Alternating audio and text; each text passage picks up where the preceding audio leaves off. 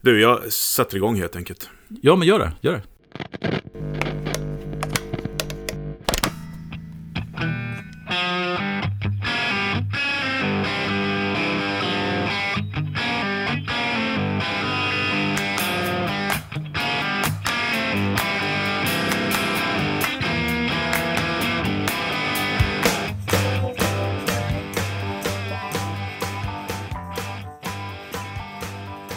Då ska ni vara ännu en gång hjärtligt välkomna till eh, Ultimate Guitar Gear Podcast. Eh, Jag heter Ulf Edelen. Och jag heter Fredrik Heghammar. Yes. Vad ska vi prata om idag Uffe? Ja, vi har ju ett ämne idag som jag tycker är, som det finns många ingångsvinklar på. Och det, vi kallar det först dyra pedaler och eh, behöver inte nödvändigtvis vara att, jo, de är dyra pedalerna idag. Ja, men Mycket. det du kanske skulle säga precis var att de behöver nödvändigtvis inte vara de bästa. Nej, Utan och- det är inte det vi ska prata om. Nej, och vi ska, pra- vi ska prata mer om fenomenet att pedaler har fått en annan status lite grann nu för tiden jämfört med kanske 20-30 år sedan. Ja, och hur de sakta har gått från att vara eh, tillbehör kanske till mer centrala i setupen. Ja. Men också att eh, på något sätt så, och när händer det, att de kostar ungefär lika mycket som en förstärkare. Ja, och det där är intressant. Jag menar, om man går tillbaka till 90-talet då, så när pedalerna började få sin så här renässans, så var ju det som en reaktion på det här äh, lite cheesiga rack 80-talet. Och det, det, samman, det, det hände- i samband med att grungen kom. Och grungen var ju som sagt lite grann som punken var på 70-talet, en reaktion mot en glassigare, mer kommersiell musik. Så att helt plötsligt så skulle man då ha mycket vintagegrejer, gamla pedaler, Yes. Eh, gamla förstärkare, traditionella gitarrer och sånt. Och eh, gitarrer och förstärkare kunde man lägga pengar på. Pedalerna, ja, hittar man en gammal vintagepedal så kanske man betalar lite mer för det. Men Ja, fast det hade, ja, det hade inte riktigt börjat då va? nej, Kanske några mm. gamla Henriks, eh, Henriks, eh, vad- ska man säga, kopplade effekter. Som Mm. gamla fussar var ju på väg upp. Eh, Voxar med olika färger på tensiometer. Eller Ja, var, var på väg upp. Wowa pedalerna. precis. Ja. Eh, och sånt. Men eh, det var ju fortfarande så att de här Vintage Electro Harmonix och de här var ju, det var ju cheap och grejer. Ja. Det låg ju längst ner i lådan liksom. Ja. Fast, man, fast folk hade börjat få upp ögonen för dem. Verkligen, och, Och- genom då Kurt Cobain och de här som Ja. använder kanske det som många andra ansåg vara skräp. Ja, men precis. Och sen så, så ledde det ju vidare, sen i början på 2000-talet då, så, så var det ju mer, blev det ju mer, då kom ju hela den här butikgrejen igång och eh, butiktillverkare började göra liksom versioner av de gamla. Alltså dels, jag vet, inte- jag vet inte hur många TS9-kloner som kom, och, men också kloner på fussar och sånt. Och sen, men det var också en annan intressant grej som hände samtidigt där, eller i slutet på 90-talet så kom ju Line 6.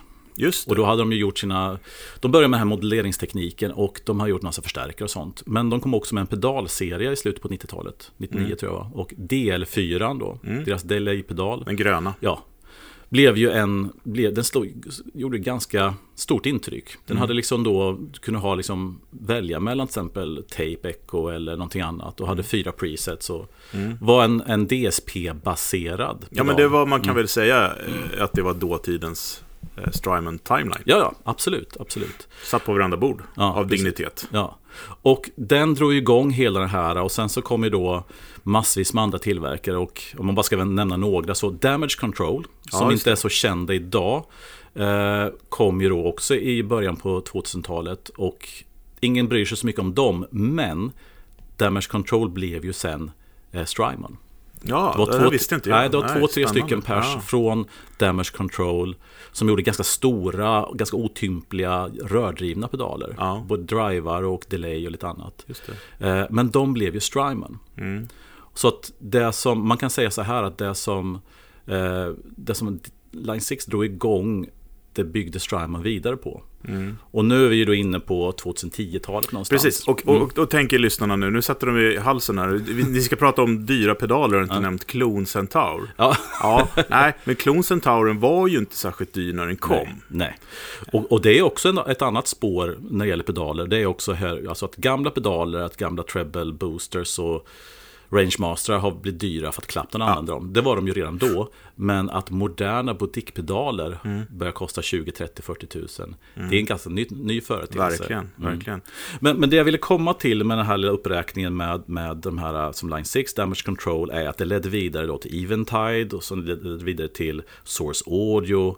Ja. Och många av de här företagen som då satsade väldigt mycket energi på just den här moderna digitala tekniken med DSP i grunden. Där du kunde modulera och simulera allting. Yes. Ehm, och det är ju ett spår så att säga. Och om man går tillbaka lite grann till eh, det här med rack då och rack-sounden från 80-talet som blev så totalt ute. Ehm, det känns ju som att det, det, att det som händer nu upplever jag är ju att man vill ha kakan och äta den lite grann. Ja, verkligen. För att visst, du har det ena spåret med fussar som är svindyra idag. Mm. Jag kollar på Disco 11s hemsida att de har ju 16 fussar för över 4000 kronor till exempel. Ehm, Och där handlar det väl, just fussar som jag har, som har nämnt tidigare, jag har, jag ju varit nere och vänt i de där kaninhålen. Där är det ju att komponenterna börjar ta slut. ja. Eh, Det är en faktor. Och sen så är det ju så att de där kretsarna är så jäkla dåliga.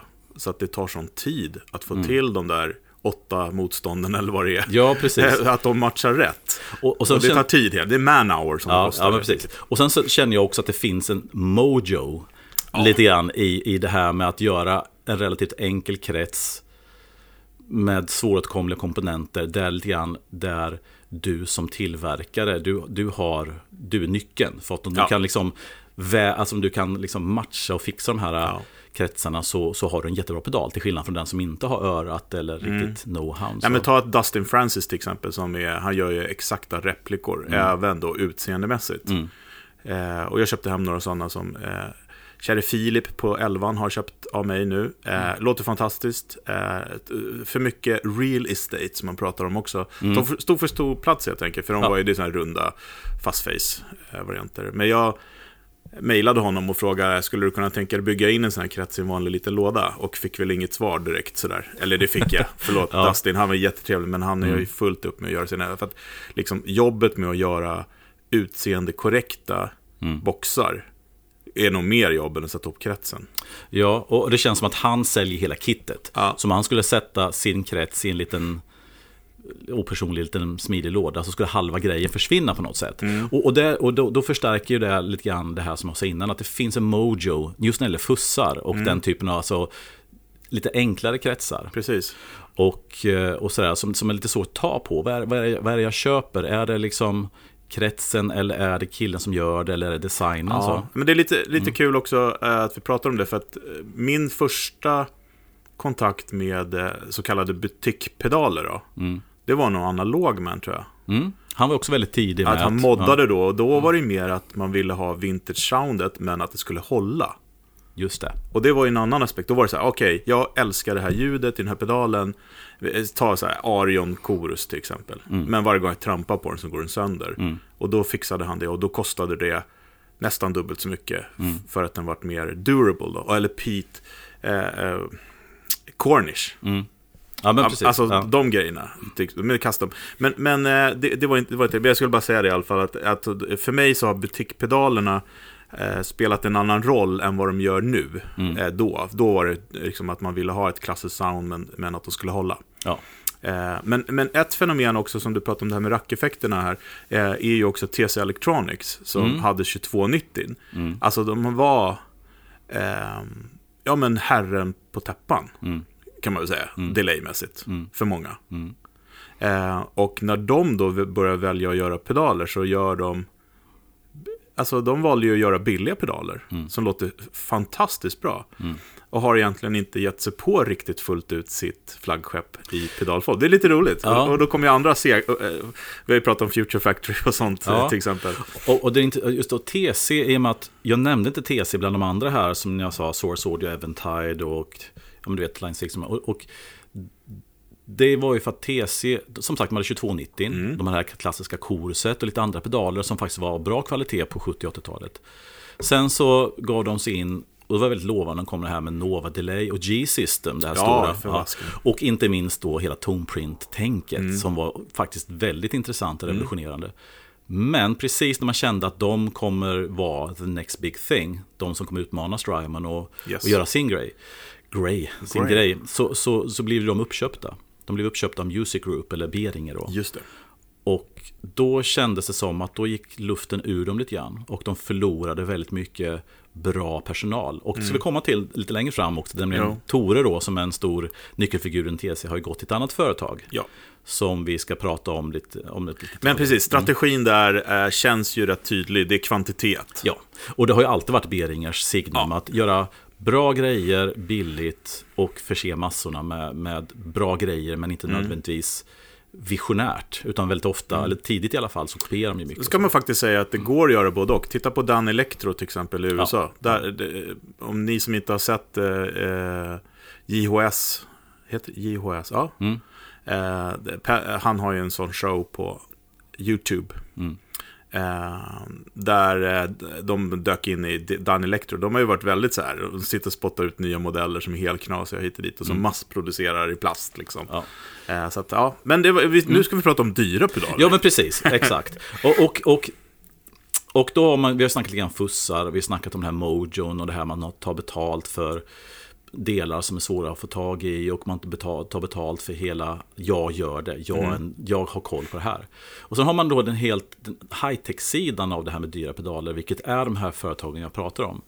Och där har ju Strymon verkligen gått i bräschen för för den här utvecklingen av att göra fantastiska pedaler med DSP-teknik. Ja, de satte en ny standard. Ja, precis. Och man får inte glömma att, att Eventide var ju faktiskt redan innan eh, Strymon med sina Tone Factor-pedaler. Ja. Som, som var skitbra, time, time Factor och Mod Factor och alla de här pedalerna. Eh, men det var väl egentligen, och de fick ett stort genomslag, men det kändes ändå att Strymon satte den typen av pedal på kartan mer än vad Eventide gjorde. Ja, men precis. Och jag tror, för att eh, vi hoppar lite där, för att efter då de här eh, Eventide-pedalerna kom ju H9, Yes. som verkligen satte en ny sten. Ja, Och, och i, i min värld i alla fall så är ju när H9 kom, som låter helt fantastiskt. Och man hör ju många studiomusiker som verkligen säger att det här är det, det här är liksom den som får jobba mest när jag går in i en studio för att den kan göra allting. yes. Eh, men Eventide är ju kända, precis som vi pratade om Mesa Buggy för, svårrattade. Att liksom, den, den kan så mycket så att det blir svårt. Ja, och, och, och, och, det, det är en fälla som man lätt kan hamna i när man har hela den här DSP-teknologin i sina händer. Man kan göra allt. Man kan göra allt i princip med det. Har, är du duktig på det här med algoritmer och kodning och sånt så kan du faktiskt Mm. göra vad som helst. Och, och det tyckte jag att Strymon, inte alltid helt lätta heller, men, men de tog tillbaka lite Ja, grann men det var här. det som var, Ja. skulle, jag skulle komma till den poängen, att liksom att i det här så alla vill ha det där fantastiska soundet, men eh, man är inte liksom kapabel helt enkelt. Jag är en sån, jag har, jag har köpt H9 två eller tre gånger, men det är inte liksom min grej. Nej. Det låter fantastiskt. Men sen så, eh, å andra sidan så har jag aldrig ägt en Strymon-pedal, höll jag på att säga. Det har jag visst det. Jag har haft en Mobius, väldigt kort, likadant där. Men, men just det här med att, åh, nu har man lyssnat på det som det, det här fantastiska begreppet som man kallar för design thinking. Det vet när man empatiserar med slutanvändaren. Och det tycker jag Strymon har gjort. Man har tittat på så här, okej, vad är svårt på H9? Åh, vi fixar det på den här. Och så bara, boom, storsäljare. Ja, och, och precis. Och jag tror att, att Eventide är nog lite grann kvar i sitt ursprung. Vilket är väldigt, väldigt avancerade rackeffekter. Och jag hade en Eclipse, en Eventide Eclipse, som, är det, som var, eller är tror jag, tror den finns fortfarande, är deras budgetvariant. Den kostar typ 25. I mitt rack. Och den var totalt omöjlig att programmera. Då blev det ju en, då blev tonfaktorpedalen, även H9, en fest jämfört med dem, den nivån. Men de var nog fortfarande kvar i det här med ett gränssnitt som inte var helt lätt för en simpel gitarrist. Eller man ska jag tror säga. inte heller. Mm. bara var det, utan eh, H9 och Eventide som sagt, fantastisk produkt. Men också hela det här ekosystemet bakom, att du måste köpa grejer, Mm. du kan uppgradera hit och dit. Jag förstår den mekanismen och den är jättesmart att så här, här, första fixen är nästan gratis. Det är den ju inte för den är ganska dyr pedal. Men eh, du vet att du kan få lite bättre för en tusenlapp till. Mm. Eh, och eh, nu, du kan få ännu bättre för 3000. Mm. Eh, och sen när man säljer den, då följer inte det med. Nej.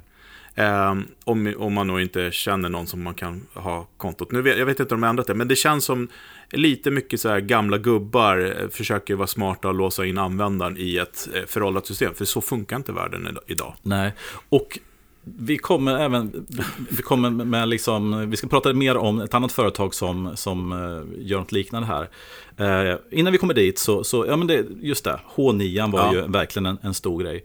Och, uh, men en spaning eller en observation är också det här hur, hur gitarristers inställning pedaler, till pedaler har ändrats. Mm. Från det var de här att ha en begagnad Big Muff eller oftast en bosspedal på 90-talet mm. som, som gjorde ett ljud, men det var ändå gitarren och förstärkaren som var fokus, det var det man la pengar på. Och sen så har det ju skiftat, de sista tio åren så har ju, ja men gitarr och förstärkare fortfarande för det är väldigt viktiga, men pedalerna har kommit in och har, kommit, har, fått, har ökat i status. Alltså att pedaler likställer man idag, att pedalerna är lika viktiga som en gitarr och Ja, men också som, vi, som avsnittet handlar om, att de också blivit väldigt dyra. Jag menar, mm. titta på en eh, pedalfredag som det brukar vara på pedalerian på Facebookgruppen. Mm.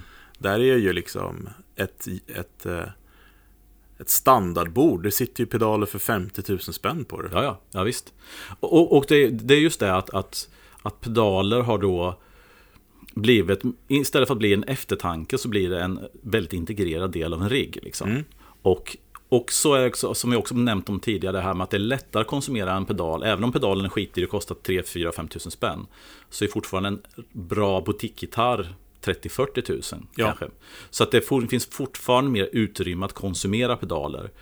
Eh, men just det här med att ha kakan och äta den, återkomma till det är ju det här att innan så var ju inte pedaler speciellt, alltså det, det, hela idén med pedaler var att de inte lät som rackeffekter. Ja. Nu med den här moderna DSP-tekniken som finns och de här företagen vi nämner, Eventide, Strymon och, och uh, Source Audio och massa andra, liksom, är, är ju att nu kan du få det soundet. Nu kan du få det här dyra, svindyra racksoundet ja. oavsett om det är då ett reverb, delay eller vad det nu är för någonting, eller mm. modulationseffekter. Det kan du få i en pedalform idag. Mm. Och sen med alla switchar som finns och alla kopplingsteknologier som finns så kan du ju då koppla ett pedalbord med dry, alltså wet, dry, wet och, eller stereo eller någonting sånt. Och four cable och... Ja, four cable. Och, så, så kan, och med line-mixrar hit och dit. Så du kan ju få alltså, ett pedalbord då, att låta precis som ett rack. Ja. Vilket mitt pedal, alltså det är lite grann... Min resa också har varit att jag hade ett rack som jag tyckte sög därför att jag kunde inte ratta det liksom. Ja. Så. Och, och det, så... det, det, kommer ett avsnitt på det. Ja, precis. Resan. Ja, exakt. Och sen så har jag nu ett pedalbord som kan i princip samma sak. Men i pedalform då. Ja, mer mm. nästan. Ja, ja, precis. Det är alltid mycket midi-styrbart. Men där blandar jag då fussar med design från 60-talet med DSP mm. high-tech från idag. Ja. Och sen kör jag stereo med en line-mixer. Mm. Och det gör jag i pedalform. Och det är intressant tycker jag att folk idag det var väldigt så här dömande på 90 och 2000-talet att mm. rack, ja men det är 80-tal.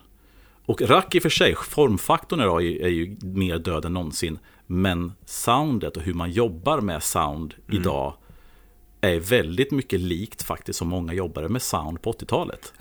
Absolut, mm. och sen också som vi pratade om att koppla upp det hit och dit så är det ju så här, midin har ju verkligen fått en revival. Mm. Eh, som då många av de här pedalerna nu börjar få också. Mm. Eller som man...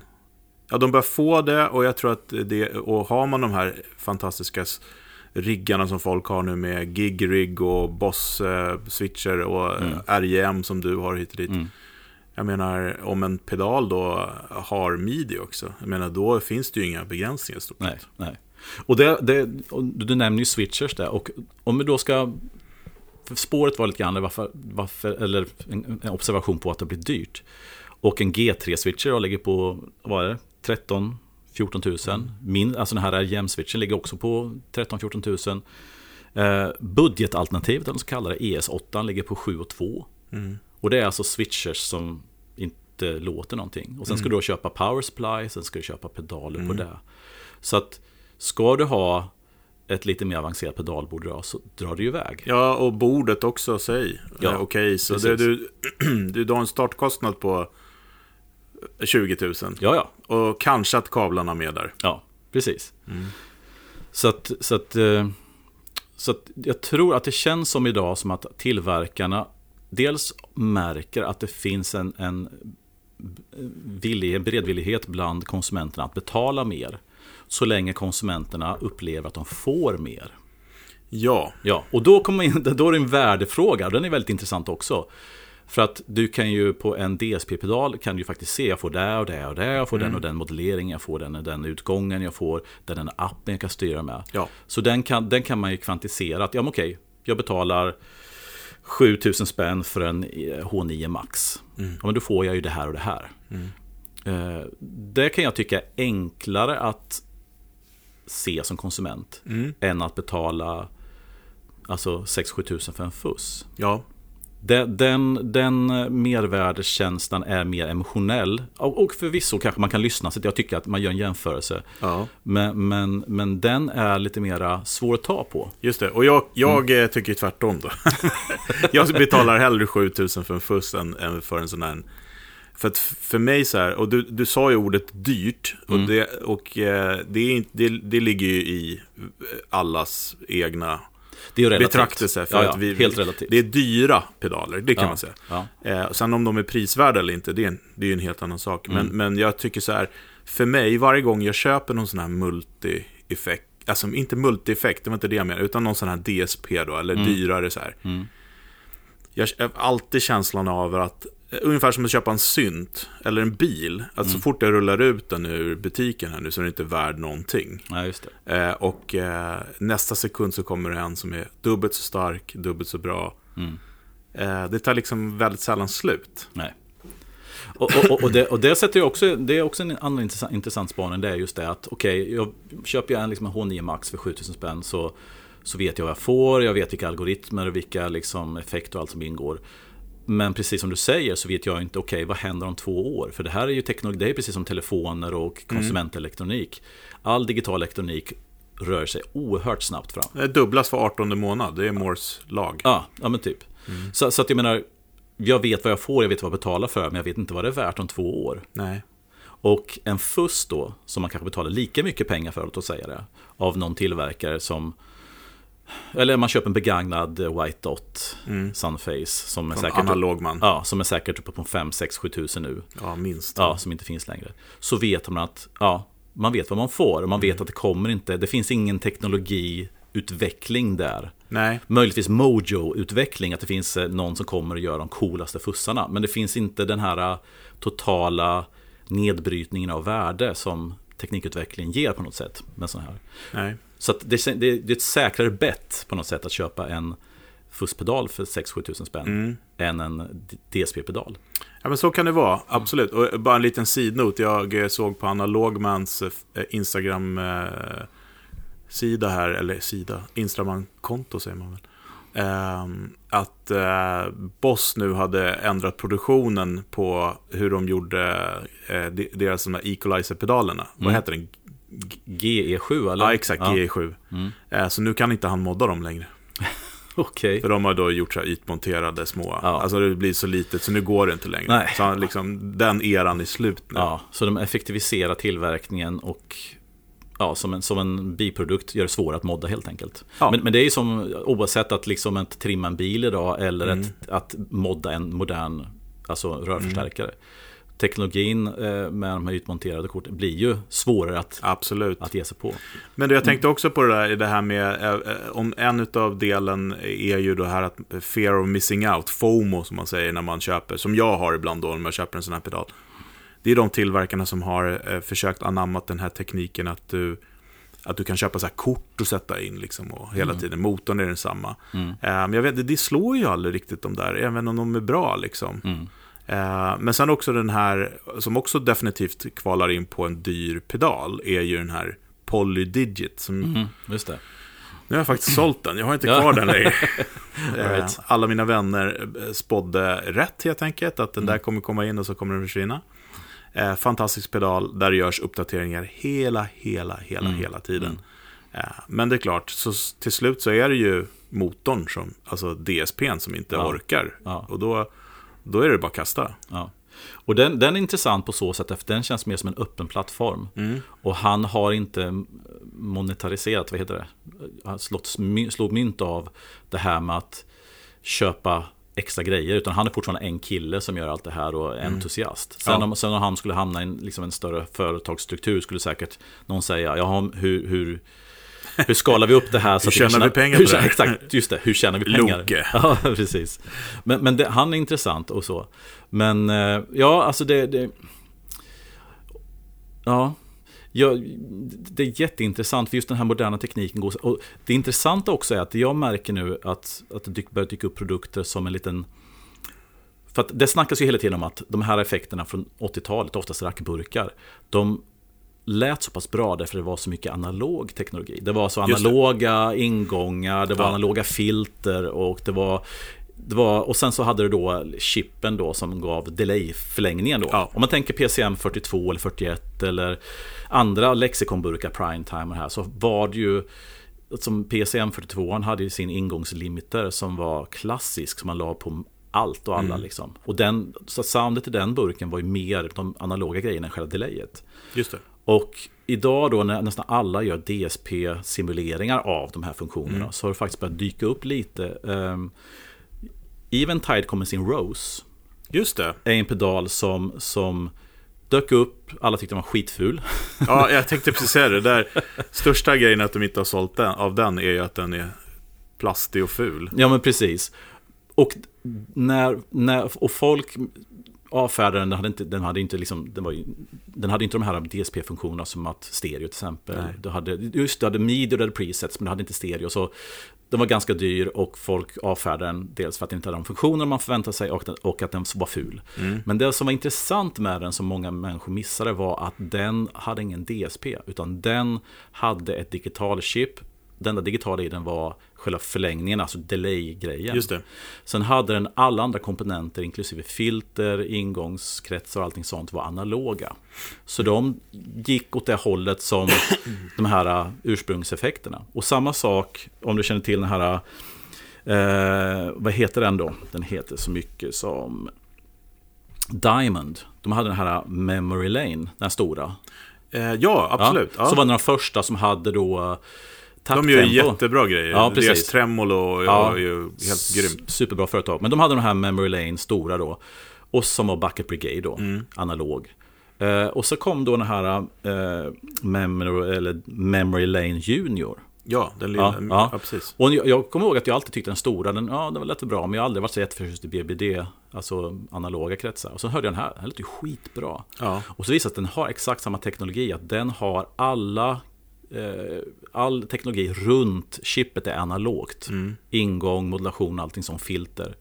Så, den, så det jag kan som en, liten, som en liten spaning se nu är att alla de här stora företagen börjar gå tillbaka till varför lät de här produkterna så pass bra på 80-talet? Det fanns en värme och en fethet i dem. Och det berodde ju på att du hade mycket analoga kretsar i det.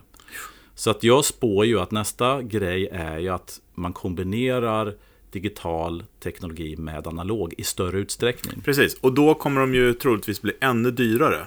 Det är Ja. det som är så lustigt. För att, Ja, om man tittar på då, eh, pedaler som kostar mycket pengar, det vill säga dyra pedaler då. Att eh, det är, antingen så är det lite funktioner och mycket mantimmar. Mm. Eller så är det mycket funktioner och, och få mantimmar. ja, Och då de här företagen som, eh, som du nämner, Source Audio, som gör fantastiska grejer, eh, eh, Eventide och eh, eh, Strymon och de här. Mm. Ju analogare de blir, mm, ju dyrare kommer de bli. ja. Och sen så är det så också att framförallt Strymon och Source Audio har ju byggt, hela sin know- know-how är ju faktiskt runt DSP. Medan Eventide kommer ju från ett annat håll. Och då, som lite avslutning här, ska vi prata om ett annat företag som gett sig in på pedalmarknaden. Ja, Det är nämligen Universal Audio har ju precis kommit, eller precis och precis, de kommer under våren här med eh, tre pedaler. En modulationsburk, ett delay och ett reverb. och det är ju då Tore som tidigare var på TC Electronics. Yes. Som är en profil i branschen men också lite av en eh, innovatör kan man väl säga. Han har ju varit väldigt framåt. Han har ju börjat på UA då. Mm. Och ihop med han Santiago. Just det. Precis. Och de två har ju då tagit fram, och jag har ju flera år väntat på att Universal Audio ska göra det här. För att de har ju haft formfaktorn i sina ljudkort som ser ut som en pedal och de har haft hela pluggteknologin. Ja, just det. Och, ja. och, för er som inte känner till Universal Audio så är det de som gör de här Apollo-ljudkorten. Yes, och de gör också då den här OX, som är den här boxen som du kan... Attenuator, line... Ja, ja. högtalarsimulator. Ja, precis. Eh, och de har ju också nu, eh, vad heter inspelningssystemet som de har släppt? Oj, vad dumt. Det skulle vi ha... Ja, de har kommit med ett nytt inspelnings okay. som utmanar mm. lite grann Logic och... Eh, ah, okej. Okay. Mm. ja. Mm. Säkert, säkert under Apollo-plattformen på något sätt? Eller? Ja, ja. ja. ja.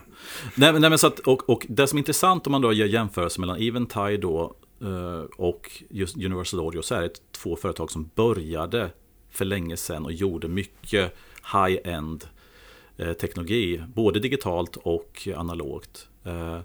Och nu så ger sig då UA in, och det också visar lite grann tycker jag hur statusen har förändrats lite grann. Att mm.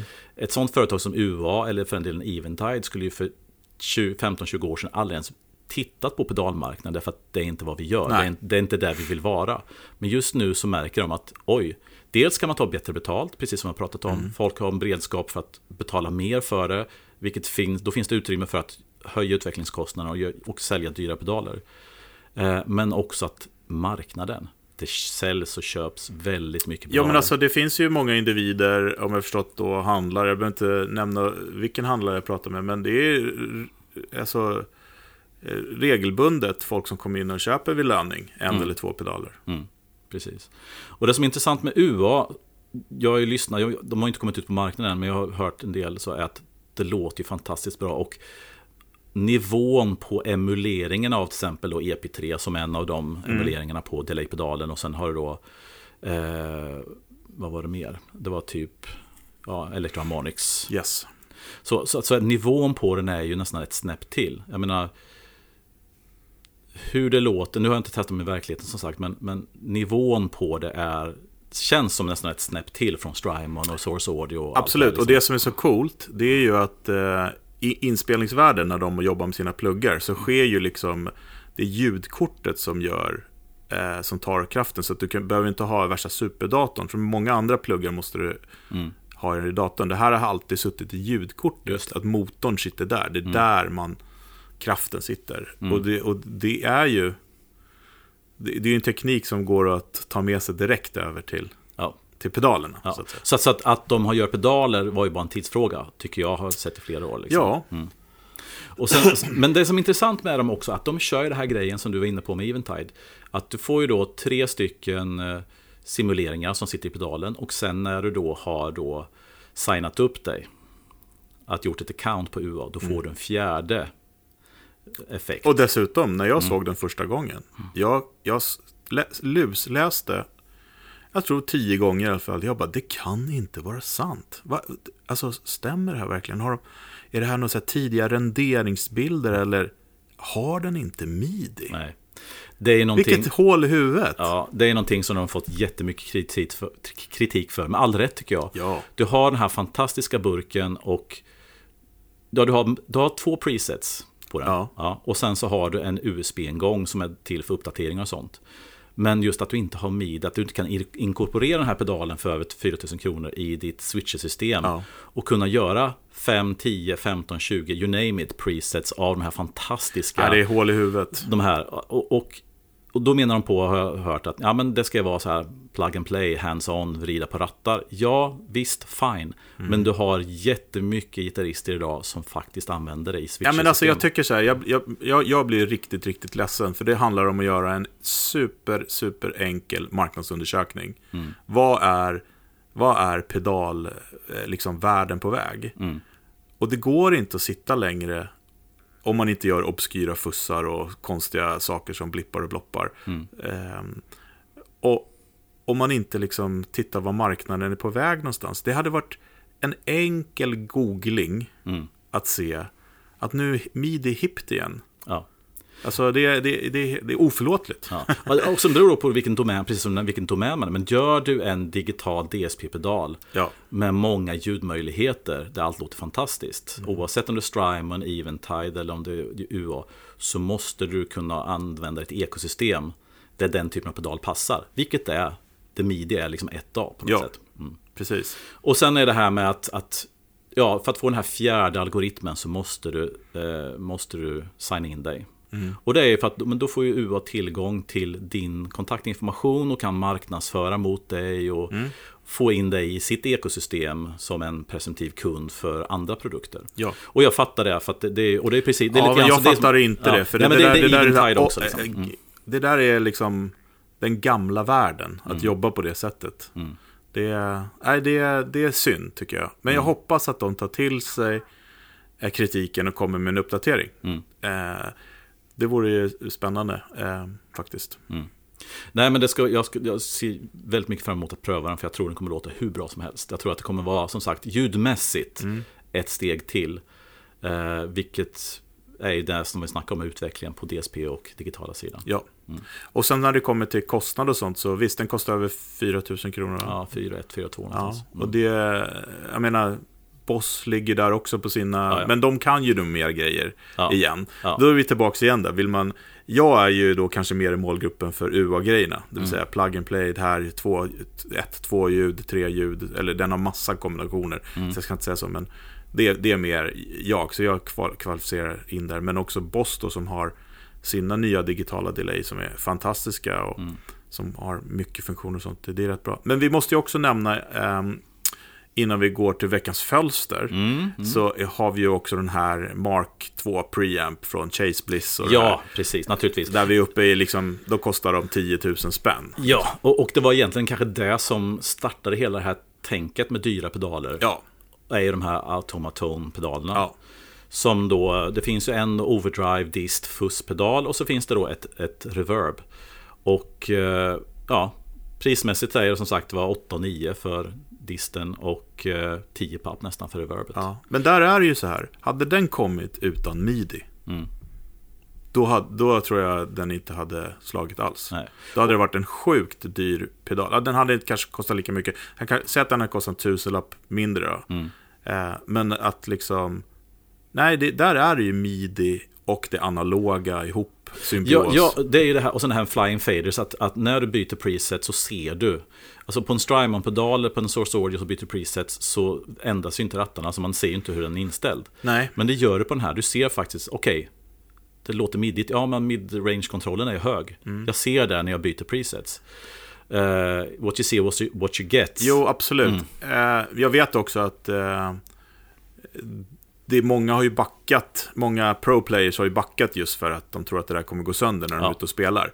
Eh, så det är både bra och dåligt. Det är väldigt mycket gimmick såklart, Mm. men fyller absolut, absolut det här what you see is what you get, alltså visuella. Eh, jag hade gärna haft den pedalen utan de reglerna Mm. eh, för ett billigare pris. För jag gissar att halva kostnaden för pedalen är just de här motorreglerna. Kan säkert vara Eh, så. Ja. Eh, och, eh, men att den låter fantastiskt också. Mm. Och just distpedalen är ju det här att du har en analog krets som styrs digitalt. Ja. Vilk, vilket är också en, en sån grej som, som skiljer sig lite grann från det här. Det känns som att DSP, det kommer finnas massor med företag, UA, Eventide, Strymon, Source Audio som kommer fortsätta den. Men så kommer det finnas andra företag som kommer utveckla varianter på detta. Där man inkorporerar analog teknik mer, så att säga. Men kanske styr det, det, det, det digitala, eller delar av det är digitalt eller analogt. Precis, och där kan man ju säga så här, ja den är jättedyr, fast eh, om man tänker sig, jag skulle kunna använda den, och det har jag ju sagt tidigare också när vi pratade om så här, om vi blev av med massa grejer. Den skulle kunna ersätta alla mina drivar och fussar Ja. som jag har, mer Ja. eller mindre. Det är klart, det blir inte samma som de jag har, för de har jag ju Ja. verkligen lagt ner massa tid och kraft på att hitta. Och det är därför jag inte har köpt någon Mark 2 heller. Mm. Men, eh, men om man tittar på den då så skulle den ersätta, i mitt fall, eh, 6-7 pedaler. Mm. Som nästan alla ligger runt 4000. Ja. Och sen ska det sägas också att den låter skitbra. Den låter jätte, jättebra. som helst. Ja. Och du har jättemycket möjlighet att jobba med midden och svepbar och så här. Så att Mm. Den sätter en ny standard, både prismässigt men även funktionsmässigt och ljudmässigt ska sägas. Mm. Så att, och än en gång, vi vill inte framstå som att vi bitchar på dyra pedaler. Utan mer, mer som en observation för hur utvecklingen har varit. Kul att utvecklingen går framåt. Kul att det finns en målgrupp som har råd att köpa. Det är också lika kul att de billiga pedalerna blir också så sjukt mycket bättre hela tiden. Ja, lägsta nivån på pedaler är ju Ja. sjukt hög. Och också så börjar jag se, eh, ja men, det har väl aldrig varit borta riktigt, men, men de här klassiska bosspedalerna är ju på väg tillbaka nu också väldigt mycket. Ja. Och det är ju, vi har de referenserna, vi har vuxit upp med musik där man har använt de där pedalerna. Ehm, och det, de låter jättebra. Ja. Och som kanske också som en reaktion på de här svindyra avancerade varianterna. Ja. Man vill tillbaka till det här lite tryggare. Ja, vi vet att det låter bra men Ja. det är enkelt att sköta. Liksom. Och sen så är det väl också så att eh, om man har ett sånt här jättefint bord med alla de här dyra då, eller pedalerna som kostar mycket pengar, eh, med true bypass och eh, hittan och dittan. Släng in en liten eh, katt bland hermelin, eller hur man nu säger. En, en, liten, en gammal bosspedal där i, se vad det Ja. gör med ljudet. Ja. De, de här buffrarna är klassiska i de där som eh, kan pigga upp ett, ett modernt bord och få lite värme och lite udd på sig. Ja, absolut. Ja, ska vi gå till veckans fölster då? Det tycker jag. Ja.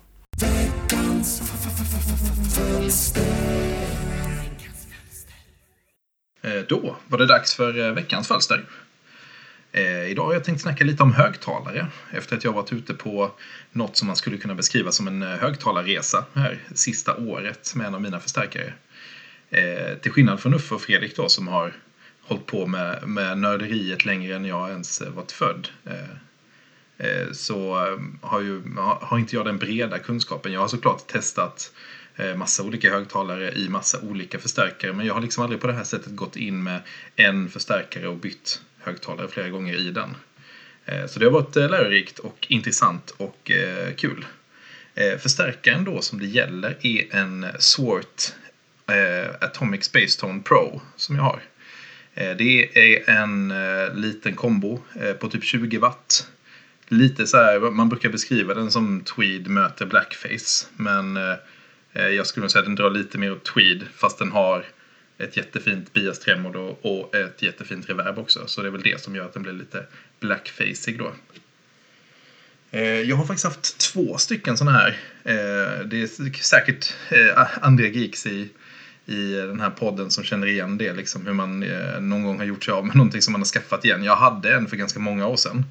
eh, Som jag kände att jag inte behövde längre. Fast sen kände man i efterhand att jag visste jag behövde den. Liksom. Men det, så är det i olika stunder.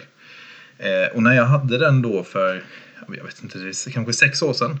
eh, Då hade den en ehm, eh, Herit- Celestion Heritage Greenback i den. Eh, den eh, G12H, då, stora magneten och så 55 Hz baskonen.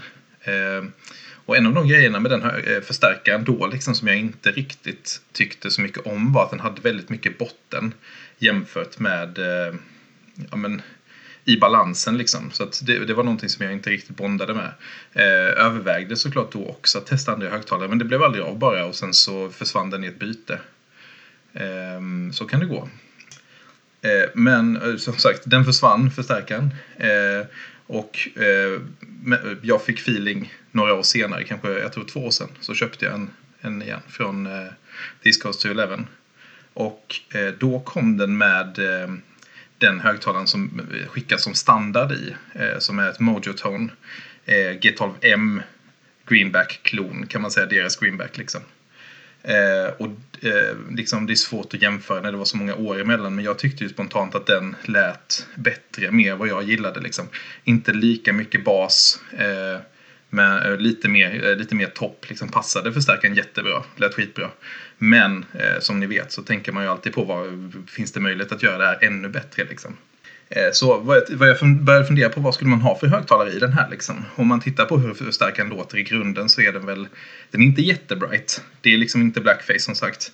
Eh, rätt mycket mids. Eh, inte jättebasig. Så ganska typisk liksom medium power tweed. Fast den har kapat lite mer botten så den är inte så fladdrig där liksom. Men vad jag ville, främst ville ha var lite mer topp jämfört med vad som fanns då i Motortonen. Eh, så vad jag gick på var först en eh, Creamback, Celestion Creamback H. Eh, den med stora magneten. Den har rejält med topp. Och det lät skitbra. Det var jättebra i den förstärkaren. Och så körde jag ganska länge faktiskt. Ja, det, det, var, det var bra helt enkelt. Men man funderar ju lite på, för att om man kollar på liksom vilka högtalare man kan köpa den här förstärkaren med så är ju eh, till exempel Celestion Alnico Gold eh, ganska vanligt som så att säga lyxalternativet. Och jag kände att det hade varit härligt med lite så här Alnico Chime liksom och testa det. Speciellt som väldigt många verkar eh, gilla det i sina Swarts. Eh, dock så eh, fick jag upp ögonen för ett annat element också som eh, eh hette eh, från Fane, också ett eh, brittiskt eh, brittiskt märke. högtalare som man ofta tror jag förknippar med Hiwatt-lådor. speciellt de som David Gilmore använder. Eh, men i alla fall, de har kommit ut med relativt nyligen ett element som heter A60 som är ett eh, Alnico-element på eh, som ja, pallar 60 watt. Liksom. Eh, och eh, jag, jag läste någon, någon, recension som verkligen hyllade det och jag tänkte att ja, det har varit spännande att testa. För att om man kollar på Celestions Alnico-alternativ så har man det blåa. Eh, det blåa är lite för låg, alltså det, det eh, förstärkaren är lite för starkt för det egentligen. Jag trodde det skulle palla, men enligt Swartz så blir det för fladdrigt i basen för den kraften som förstärkaren puttar in och det kändes inte alls bra. Eh, sen finns det det som heter Ruby. Det ska vara mörkt så det pallar jag inte ens testa. Eh, Gold är ju ganska många som köper till det här men eh, jag har inte testat ett Gold ordentligt. Men jag har hört att det ska ta lång tid att spela in eh, och det kändes inte som någonting som passar mig. Eh, sen har man såklart spanat på Alnico Cream eh, som är Eh, ett favorit hos, hos Fredrik och Uffe och de har tipsade såklart om det direkt. Men jag, jag vet inte, av någon anledning så, så kände jag men det här fin-elementet vill jag testa. Det är kul om man hittar någonting som inte är, är något av det vanligare liksom. Eh, så jag beställde ett sånt. Eh, när jag eh, satte i det, eh, jag var supernöjd där. Man tappade lite topp jämfört med eh, creambacken. Eh, men eh, absolut det här Aniko Shimen lät skitbra rent. Eh, lät skitbra med lite overdrive också. Men eh, jag kände nog eh, något som jag inte förväntade mig faktiskt att jag saknade midsen från eh, de olika greenback-elementen då jag hade haft i. Eh, Celestions har nog en, eh, ganska mycket mid. Jag har inte tänkt på det innan men liksom, det är någonting som man nog har vant sig vid. Och, och jag kände att eh, jag saknade lite bärighet i ljudet med Fane-elementet. I alla fall för min smak i den här eh, högt, eh, förstärkaren. Eh, så då börjar man fundera liksom på, var det här rätt? Och sen eh, faktiskt någon, bara några veckor eller en månad efter jag beställde det här finelementet så la youtubern eh, Joe Perkins upp Eh, Eh, vid, videos på just det här elementet. Och hade jag hört dem före, för det fanns inte så mycket att lyssna på innan, så kanske jag hade mm, ja, kört på någonting från Celestion istället. Liksom. Som sagt, låter skitbra, men just i den här förstärkaren så eh, tror jag att man gärna, mm, jag vill i alla fall ha lite mer mids än vad den har. Den känns lite jämnare i eh, e EQ-kurvan liksom, än vad kanske ett Celestion-element är. Så jag stoppade i Craneback H-elementet igen och då kände jag att där fick jag tillbaka de midsen som jag saknade. Liksom. Eh, men eh, toppen är lite väl vass. Alltså den är, det är en väldigt vass topp i den. I alla fall som sagt i den här förstärkaren. Eh, så då blev det till slut eh, ett Celestion Alnico Cream då. Uffe och Freddes favorit. Och eh, det var ju precis det jag hoppades på då. Jag, jag tappade den här jättevassa toppen men jag fick chimet. Jag fick midsen, Celestion midsen. Eh, funkar skitbra i den här förstärkaren. Så det känns som att jag är i i mål där liksom. Och det är inte bara Uffe och Fredrik som gillar den här. Den har ju varit väldigt väl omskriven på både forum och, och liksom, eh, publikationer sen den kom. Som ett, en superhögtalare som passar det mesta. vad, ska jag, vad ska jag säga mer? Jag tänkte säga. Ja, men jag har ju mest haft Celestions liksom. Och då, då började jag fundera på det eftersom att jag nu landar i Celestions igen. Att eh, är det så att man har kalibrerat öronen så mycket för Celestions att man liksom graviterar mot det oavsett. Jag har väl haft lite Jensens i Fender Style stärkare också, men det är ju liksom, det är ett annat sound det. Eh, men i övrigt så har det varit väldigt mycket Celestions eller Celestion-liknande eh, högtalare. Ehm, så eh, vad jag tänkte fråga till er som lyssnar och till Uffe och Fredrik är liksom är det samma för er att ni ofta dras mot Celestions olika modeller? Om inte, kan ni tipsa om några så här spännande doldisar som man ofta inte mm, tänker på? Några Eminence kanske, eller något helt annat. Eh, kommentera gärna på Facebook eller Instagram. Så hörs vi nästa vecka. Hej! Tack eh, Fölster. Mycket spännande och det yes. där är ju någonting som vi också har dykt väldigt mycket i och hållit mm. på med. Mm. Eh, och eh, kan vi säga We told you so. Alltså, det, Celestion Alnico Cream, alltså, det kan inte riktigt gå fel. Um, men det har ju du redan klargjort, så det behöver vi inte sitta och tjata om. Och det kommer vi säkert dyka upp fler gånger, men... Uh, vill, vill, ha, vad har du för, liksom, har du testat andra element som du tycker är liksom, Ja. coola?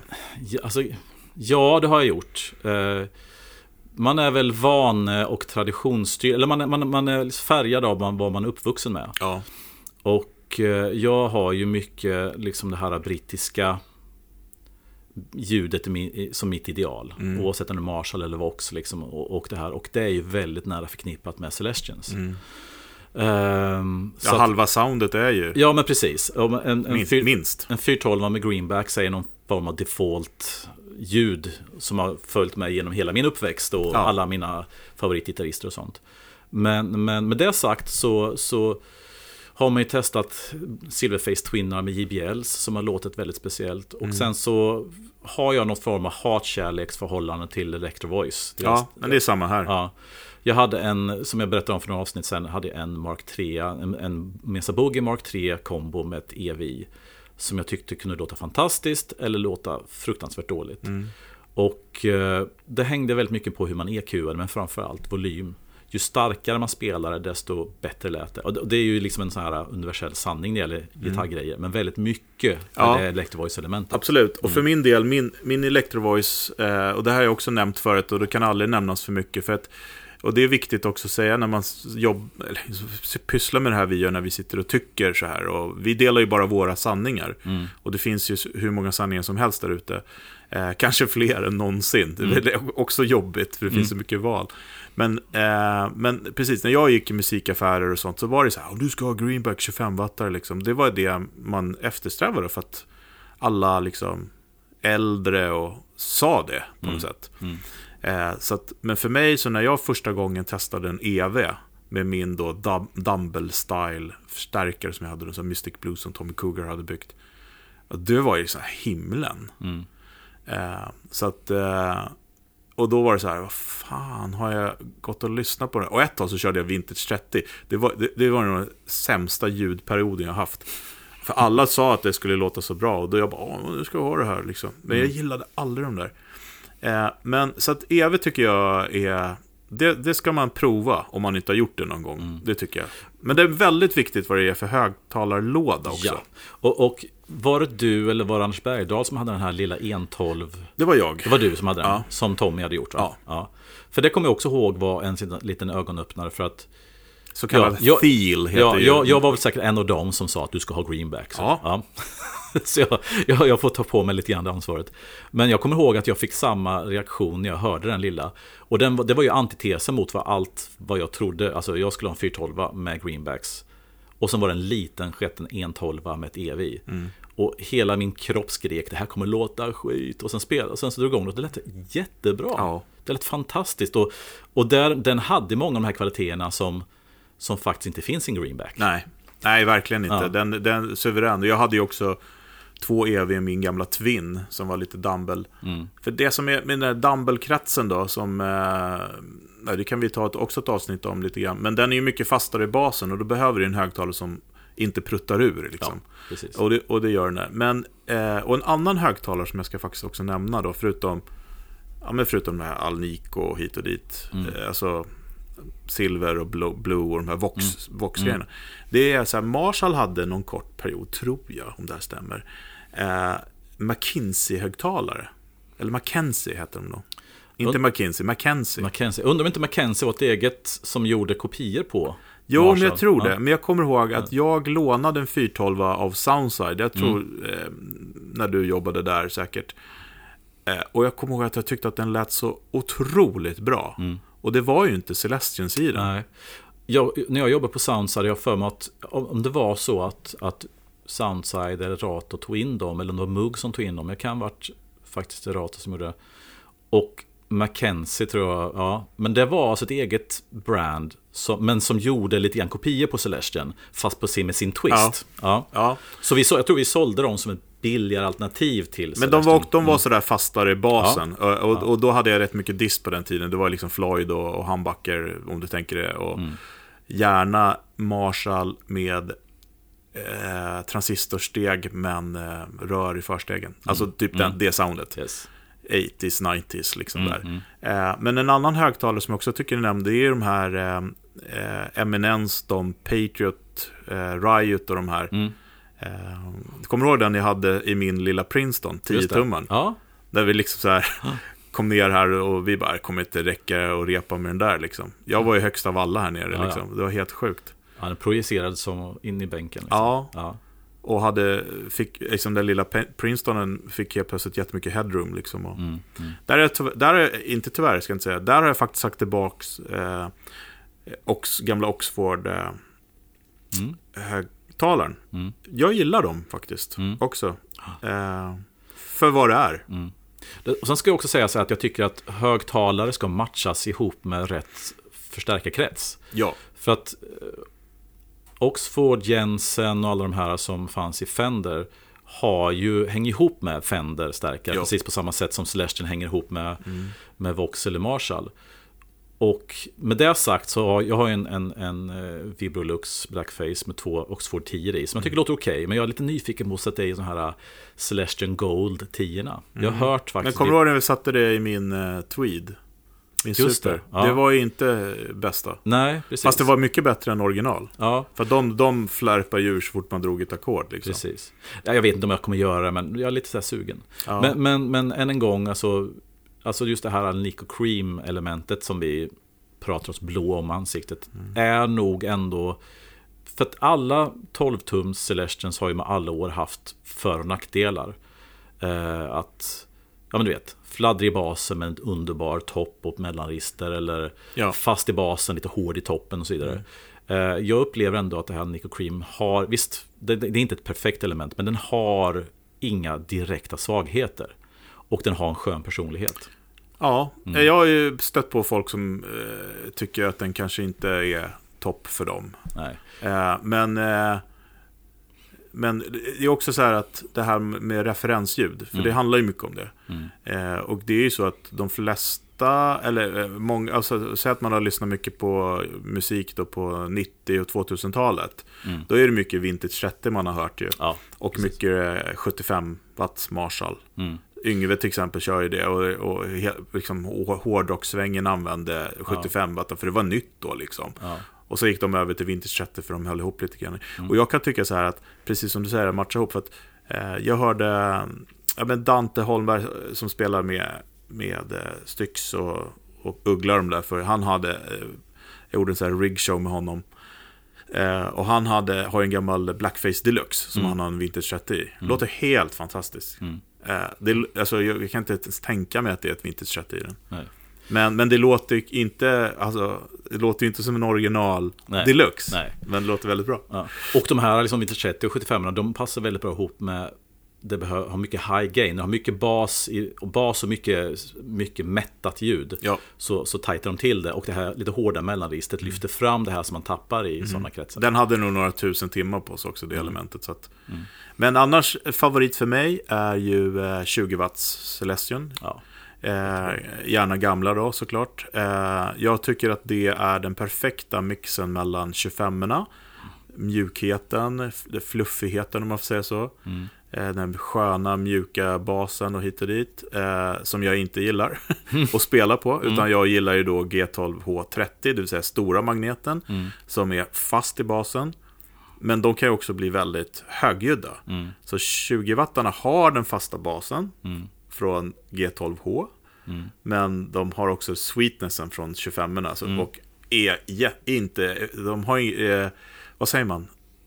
Eh, De är inte så effektiva. Så man Nej. kan spela rätt Precis. högt på dem. Ja. Tråkiga är att det är så svårt att hitta 20 wattare. Ja. 25 och 30 wattarna är ju mycket vanligare. Liksom. Men jag tror att eh, de här eh, Pivi, eh, EVH-grejerna, Mm. eh, alltså signatur EVH-lådor och sånt från Mm. Pivi och sånt hade de tror jag. Okej, ja, det är möjligt. För att, eh, ja, Mm. Coolt. där är de frontmatade och det, det, det är också ett annat Ja, program. ja, precis. Det... Ska de också- sitta front, frontmatade eller backmatade? Ja, ja, men precis. precis. Mm. Men eh, tack så jättemycket. Ja. Det är dags för veckans pryl. Det är det. Veckans pryl. Då så. Veckans pryl. Yes. Och eh, det är jag som har ansvaret för veckans pryl den här gången. Yes. Och jag ska prata om någonting som jag trodde aldrig skulle prata om. Nej, en, en viktig beståndsdel som... Det, det är nästan det- bland det viktigaste Ja, efter gitarren. ja. Nämligen plektrumet. Yes! Och eh, som ni som har lyssnat känner till så har jag och Fredrik haft en förmåga att gå ner i våra kaninhål och gräva oss djupare och djupare in och eh, försöka hitta saker och ting. Jag har någonstans eh, bestämt mig för att dra gränsen på vissa saker. Jag har sagt att jag inte ska gå in i det här med kablar eller strängar eller plektrum.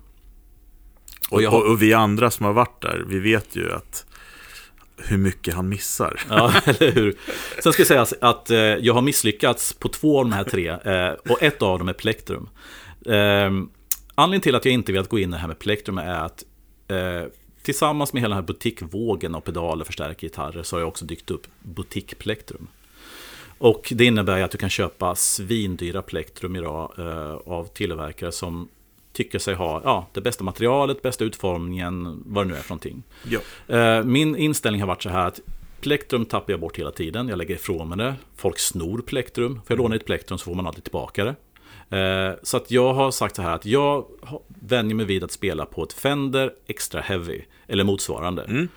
Eh, Någonstans mellan en till två millimeter tjockt. Så här, ganska tjockt liksom plektrum som, ja jag tycker om tjocka plektrum. Det är liksom eh, plektrumsvärldens vintage 30. Ja men typ, typ. Ganska starkt mellanregister, bra anslag, Ja precis.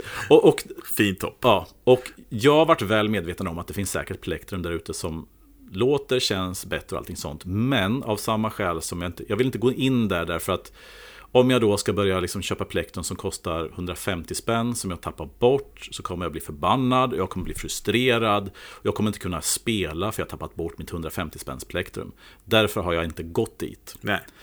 Men så är man ju nyfiken av sig och man vill ju testa saker. Så att jag var inne på Disco 211 och sen så kände jag att, ja, jag, jag vet, pandemi, det är tråkigt, Nå- någonting måste hända. Ge mig något nytt. Ja, så jag frågade Filip där, ja, de här ska jag testa, säger han. Så plockade han fram- då Gravity Plektrum. Yes.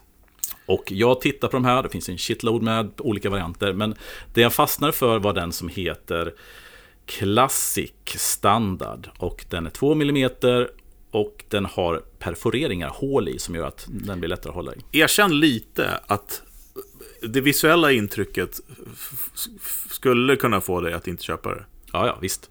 Absolut. Genomskinlig babyblått med hål i. Ja, precis. Det är inte speciellt Det är inte snyggt. så mycket Uffe. Nej. Nej, men i alla fall, och det kostar 70 spänn och det, redan där så liksom, ja, jag, jag, jag liksom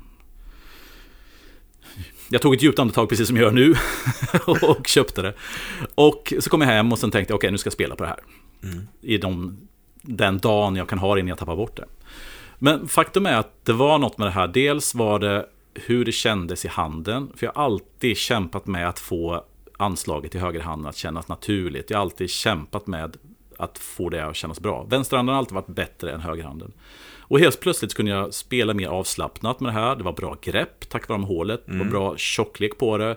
Framförallt så lät det väldigt bra. Det här med hur det var ett tjockt, klart anslag som gjorde att man tog sig igenom strängarna när man spelade snabbt på ett bra sätt utan att tappa själva attacken och ljudet. Yes. Så att mot bättre vetande och framförallt mot mina egna instinkter och eh, principer så har jag fastnat för det här plektrumet. Mm. Och eh, ja, Har du, eh, tycker du att det funkar lika bra på alla dina gitarrer? Ja, det tycker jag nog. För att om jag skulle gå ytterligare än säga att jag ska ha ett plektrum per gitarr, då kommer jag bli vansinnig. Då kommer jag liksom... Nej, men jag fattar. Ja, så att jag bestämde mig för att det här funkar till alla För gitarrer. att eh, jag kan tycka så här, och, och, jag håller också på att laborera lite grann, men eh, jag har också typ Fender Extra Heavy. Har jag väl? Ja, det har jag. Typ variant. Mm. Men jag har någon så här Mad Professor, Fredman, så här gratis plektrum som har fått, som har blivit favoriter. Mm. Och jag har också några, jag har ingen Gravity, så jag måste testa en sån. Eh, Mm. Däremot så har jag de här, eh, genomskinliga, vad heter de då? Är det Gravity också? Jo, jag, har, jo, jag, jag tror jag har ett Gravity också, men jag har några... Ja, skitsamma. Men eh, på vissa gitarrer tycker jag att det blir lite för fet ton. Mm. Förstår du vad jag menar? Ja, jag förstår. Eh, och då instinktivt så sträcker jag mig efter Mm. Fender Extra Heavy då. Men det här är lite intressant för att du har en mycket fetare ton än vad jag har. Jag har en brightare, hårdare Det är ton. sant. Ja. Så att jag förstår varför du kan tycka det. Så, Ja. Eh, Men framförallt akustiskt när jag spelar med gitarren hemma. Mm. Att det är någon frekvens som den lägger på som är, är, låter låter och härligt. Mm. Men det kan ibland lite grann vara som vi, jag tror att vi har pratat om det också, eh, vissa gitarrer dör när man sätter på elver. Mm. Eh, och sätter man tillbaka tio så bara, wow, lever de igen? Ja. Eh, och det är likadant om man har spelat akustisk gitarr. Mm. Eh, och envisas med att spela med sitt Fender Extra Heavy. Då, du, Mm. du, du. Och sen så bara tar man ett tunt plektrum och bara, jävlar vilket... Nu kom den här ängeldiskanten Ja, i rummet. Ja, liksom, så att, ja, så att, eh, ja, det där är, det är inte lätt, men det, det är också en, en otrolig vanesak. Precis. Så att det handlar om att nöta, att gillar man det, det är bara nöta, nöta, nöta. För att de där formen också, som på Gravity-plektrumet, som är lite, lite annorlunda form än Mm. den traditionella. Eh, jag kan uppleva när jag har börjat öva med sådana, är att, eh, eller sådana typer av plektrum, Mm. eh, att, att de ligger liksom inte lika Lika, eller s- som de brukar såklart, eftersom man har spelat med ett annat plektrum i 25 år. Som man liksom kan gömma undan i handen när man fingerplockar det. Att det Ja, liksom det. känns annorlunda. Ja. Och, och, men det var ju det som var så intressant med det här, för att jag upplevde att det här var bekvämare än de jag Ja. andra körde med. Så att, så att det här med att köra sig, alltså hade jag haft upplevt det minsta motstånd med det här 70 spänns plektrumet Ja. så hade ju all den här instinkten jag har mot det här Mm. slagit in och jag hade dissat det. Men det var verkligen så här som att shit, det lät och kändes så pass bra Ja. omedelbart. Vilket gjorde att jag tog mig över den här tröskeln jag har mot att ge mig in i det här träsket. Yes. Så jag ska säga också att det är ju ett material, det är ett akrylmaterial som gör en del av det här tonen och anslaget. Eh, och nu när jag jämfört det här med de här vanliga plektrumen, både Dunlop och Fender, så tycker jag att de andra låter attacklöst och Ja, mesigt. Och det, Ja. här, och det är inte att den här låter jätte bright, men den får ha en fethet och attack som, som inte blir vass. Mm. sätt. Och jag vet ju också att eh, akustiska gitarrister och framförallt de som kör Django-stylen, de springer ju på second hand-butiker och köper gamla knappar. Ja, Sköld, Just sköldpaddsknappar. det. För det finns i gamla 60-talskläder och så 50-tal och sånt. slags celluloid. Ja, precis. Ja. Så slippa till det. det. är- Där har du ju verkligen topp och attack och Mm. sånt. Så. Ja. Ehm, ja, spännande. Mm. Tack för att du delade med dig. Får se hur länge det håller. När jag, när jag har tappat bort motsvarande min årslön i plektrum så kanske jag går tillbaka till något standard. Det är som ett paket strängar bara för Ja, ja. kostnad. Ja, faktiskt. Men eh, veckans pryl, alltså Gravity Plektrum. Ja, Ja, verkligen. eller, och, och med underrubrik Testa nya plektrum. Ja, gör det. Ja. Ni kanske inte fastnar för det som jag, men gör det ändå. Men du, det vore ju förresten kul om eh, vi kanske kunde få till en tråd på Facebook. Mm. Med eh, posta en bild på era plektrum. Ja, gör det. Och lite, liten, liten, eh, någon, någon mening om varför. Ja, precis. Mm. Kul. Och eh, tills nästa gång, eh, ha det gött så ses vi. Ha det gött allihopa. Hej! Hej då!